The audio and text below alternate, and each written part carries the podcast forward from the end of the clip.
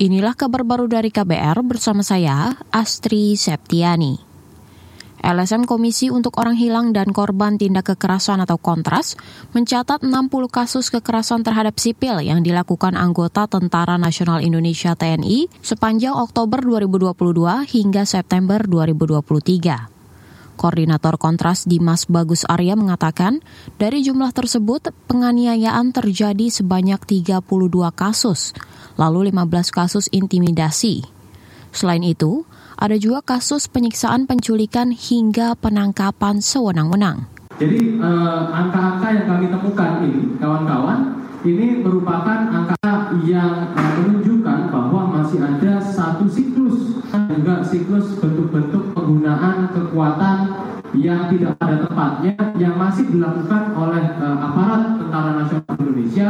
Koordinator Kontras Dimas Bagus Arya menambahkan, kekerasan terjadi di seluruh matra TNI. Kontras menyebut prajurit TNI Angkatan Darat paling banyak terlibat peristiwa kekerasan terhadap sipil, disusul Angkatan Laut dan Udara. Saudara kita beralih ke informasi pemilu. Kabar pemilu. Kabar pemilu. Ketua DPP PDIP Puan Maharani bertemu Ketua Umum Partai Solidaritas Indonesia Kaisang Pangarep di kawasan Menteng, Jakarta hari ini.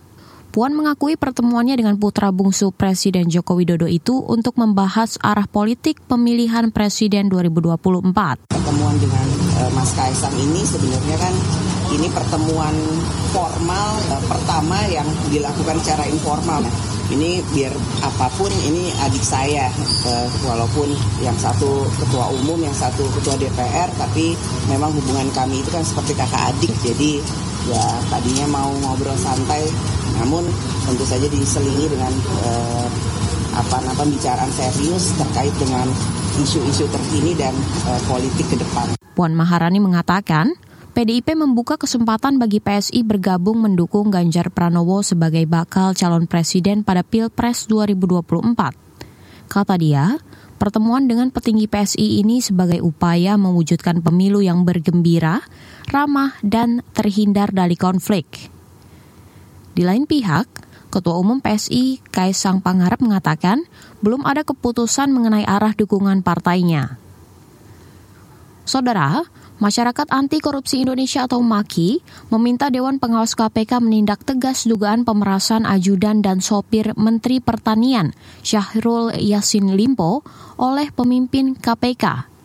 Koordinator Maki Boyamin Saiman meminta Dewas KPK mengantisipasi potensi konflik kepentingan dengan menonaktifkan pimpinan yang diduga terlibat. Ini Dewan Pengawas yang memastikan itu. Jangan sampai nanti ditangani pihak lain dan itu mempermalukan KPK. Jadi harus deteksi dini dan mitigasi istilahnya gitu Dewan Pengawas. Sehingga misalnya ini ada oknum yang nakal, katakanlah pimpinan salah satu pimpinan KPK ini memang meres juga gitu terhadap Yasin Limpo misalnya ada dugaan itu, maka Dewan Pengawas harus segera antisipasi dan mitigasi. Kalau perlu jadi oleh yang bersangkutan memang uh, buktinya cukup secara uh, Dewan Pengawas ya segera dinonaktifkan atau segera dipisahkan tidak boleh menangani kasus ini gitu supaya tidak ada konflik kepentingan. Itu tadi koordinator Masyarakat Anti Korupsi Indonesia atau MAKI, Boyamin Saiman.